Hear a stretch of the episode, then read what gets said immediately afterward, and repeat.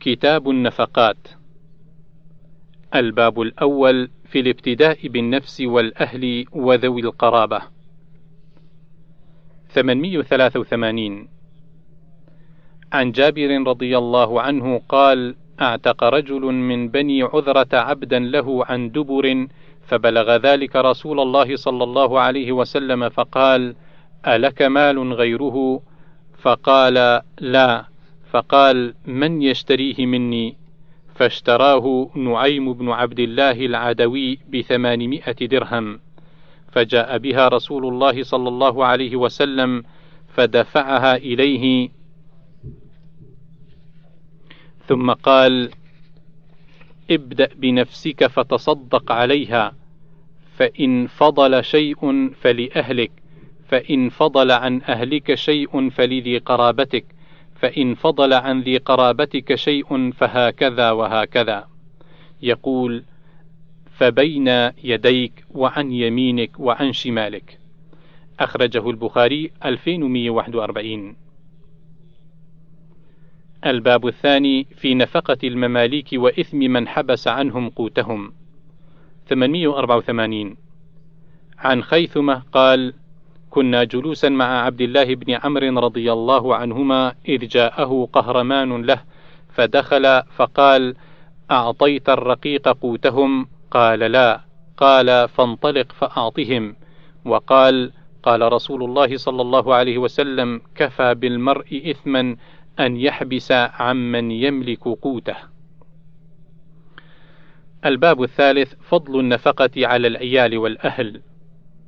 885 عن ثوبان رضي الله عنه قال قال رسول الله صلى الله عليه وسلم أفضل دينار ينفقه الرجل دينار ينفقه على عياله ودينار ينفقه الرجل على دابته في سبيل الله ودينار ينفقه على أصحابه في سبيل الله. قال أبو قلابة وبدأ بالعيال. ثم قال أبو قلابة وأي رجل أعظم أجرا من رجل ينفق على عيال صغار يعفهم أو ينفعهم الله به ويغنيهم.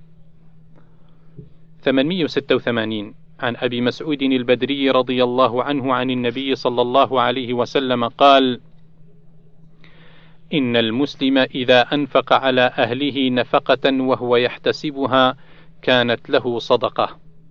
أخرجه البخاري 5351 الباب الرابع للمرأة أن تنفق من مال زوجها بالمعروف على عياله.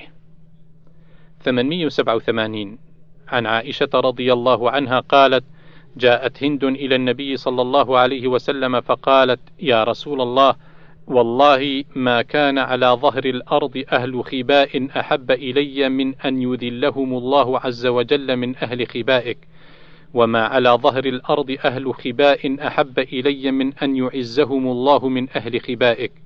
فقال النبي صلى الله عليه وسلم وأيضا والذي نفسي بيده. ثم قالت يا رسول الله إن أبا سفيان رجل ممسك فهل علي حرج أن أنفق على عياله من ماله بغير إذنه؟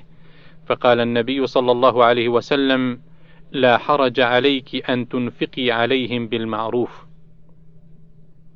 أخرجه البخاري 3825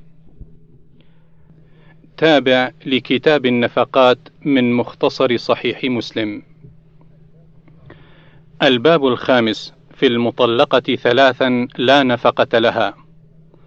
888 عن فاطمة بنت قيس رضي الله عنها عن النبي صلى الله عليه وسلم في المطلقة ثلاثا قال ليس لها سكنى ولا نفقة. 889 عن عائشة رضي الله عنها قالت ما لفاطمة خير أن تذكر هذا. تعني قولها لا سكنى ولا نفقة. أخرجه البخاري 5321 5326 890 عن أبي إسحاق قال كنت مع الأسود بن يزيد جالسا في المسجد الأعظم ومعنا الشعبي فحدث الشعبي بحديث فاطمة بنت قيس أن رسول الله صلى الله عليه وسلم لم يجعل لها سكنى ولا نفقة.